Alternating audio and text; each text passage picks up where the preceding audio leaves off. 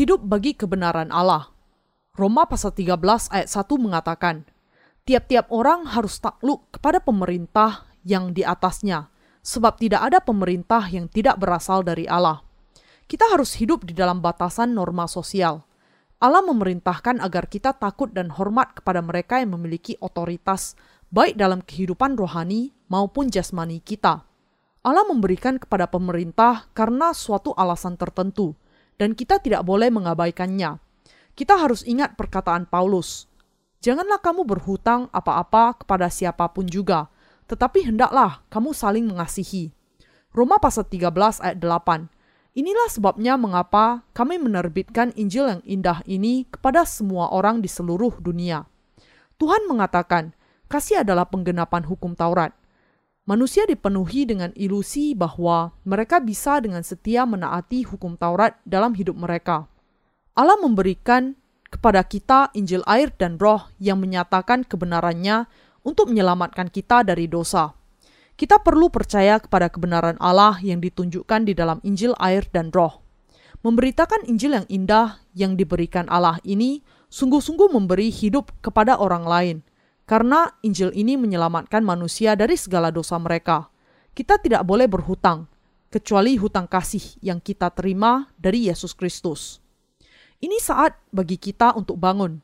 Ayat 11 mengatakan, Hal ini harus kamu lakukan karena kamu mengetahui keadaan waktu sekarang, yaitu bahwa saatnya telah tiba bagi kamu untuk bangun dari tidur, sebab sekarang keselamatan sudah lebih dekat bagi kita daripada waktu kita menjadi percaya.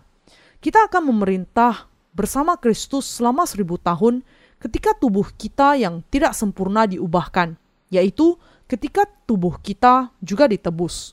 Kita bisa melihat kemiripan antara generasi kita dengan generasi Nuh. Gelombongan homoseksualitas baru melanda universitas. Betapa jahatnya dunia ini ketika manusia membunuh sesamanya hanya karena terlalu lama menggunakan telepon umum? Banyak perbuatan yang jahat dan kejam terjadi dalam generasi ini. Kita harus sadar bahwa ini adalah saatnya untuk bangun. Saat untuk kedatangan Tuhan sudah dekat. Kita harus waspada dan memiliki ketajaman membedakan zaman apakah ini dan menyadari bahwa kedatangan Tuhan yang kedua kali sudah sangat dekat. Tetapi di waktu yang sama, Ingat bahwa begitu banyak orang tidak sungguh-sungguh mengenal zaman ini. Sebab sebagaimana halnya pada zaman Nuh, demikian pula halnya kelak pada kedatangan anak manusia. Matius pasal 24 ayat 37. Bahkan di zaman Nuh, manusia membangun rumah, menikah, melakukan dosa, dan mengerjakan urusan mereka sampai penghukuman Allah tiba-tiba dicurahkan ke atas mereka. Tidak ada seorang pun kecuali Nuh yang tahu akan datang hujan lebat dan banjir yang memusnahkan semua kecuali yang masuk ke dalam bahtera. Mereka yang binasa menghadapi penghukuman Allah yang mengerikan ketika dengan bebas makan dan minum tanpa menyadarinya.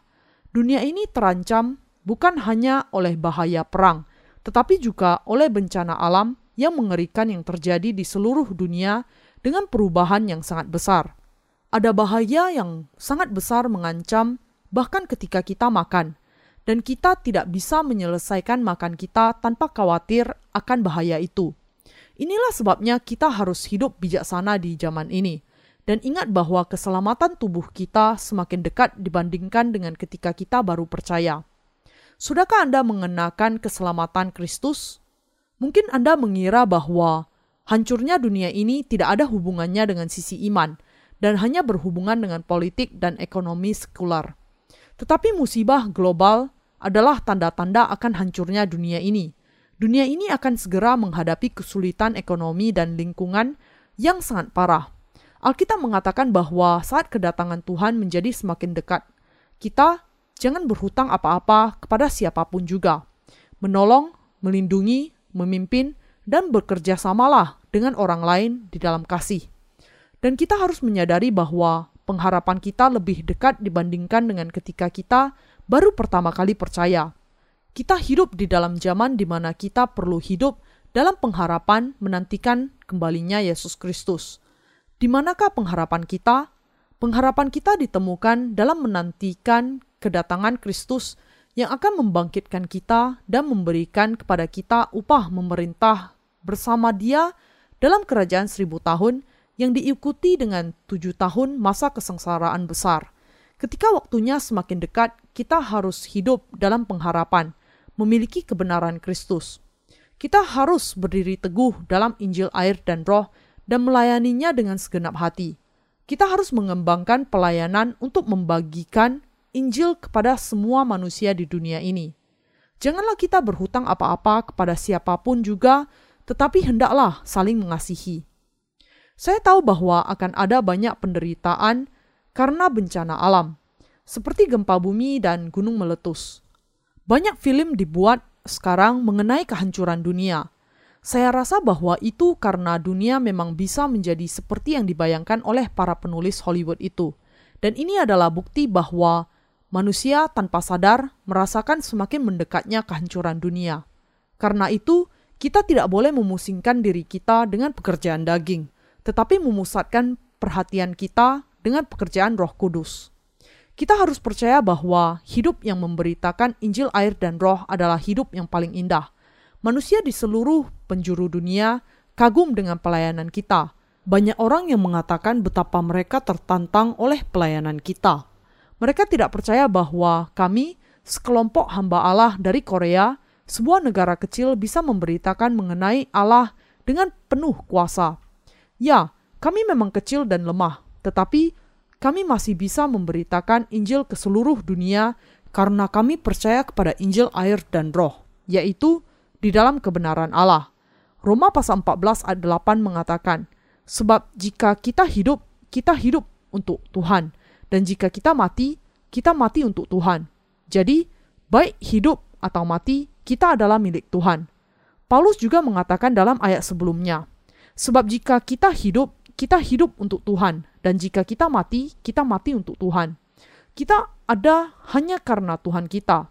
Karena kita dilahirkan ke dalam dunia dan menjadi benar, karena kebenarannya, kita menjadi milik Kristus baik kita hidup atau mati kita akan hidup dan meninggalkan dunia sebagai milik Kristus, menjalani kehidupan kita bagi kebenaran Allah. Allah berkenan kepada kita dan sudah memilih untuk memakai kita sebagai alatnya untuk memberitakan kabar sukacita ke seluruh dunia. Ia sudah membukakan pintu besar bagi penginjilan bagi kita. Ia sudah mengizinkan kita untuk memberitakan Injil melalui buku tanpa secara langsung menginjakkan kaki di suatu negara. Seri buku berisi Injil kebenaran Allah sudah diterjemah dan dikirim ke dunia yang memakai bahasa Inggris, negara-negara yang memakai bahasa Spanyol, dan juga ke setiap negara di Asia, Afrika, dan Eropa. Saya yakin bahwa seri yang baru yang berjudul Tuhan kita yang menjadi kebenaran Allah akan menjadi berkat rohani yang besar bagi semua manusia di dunia.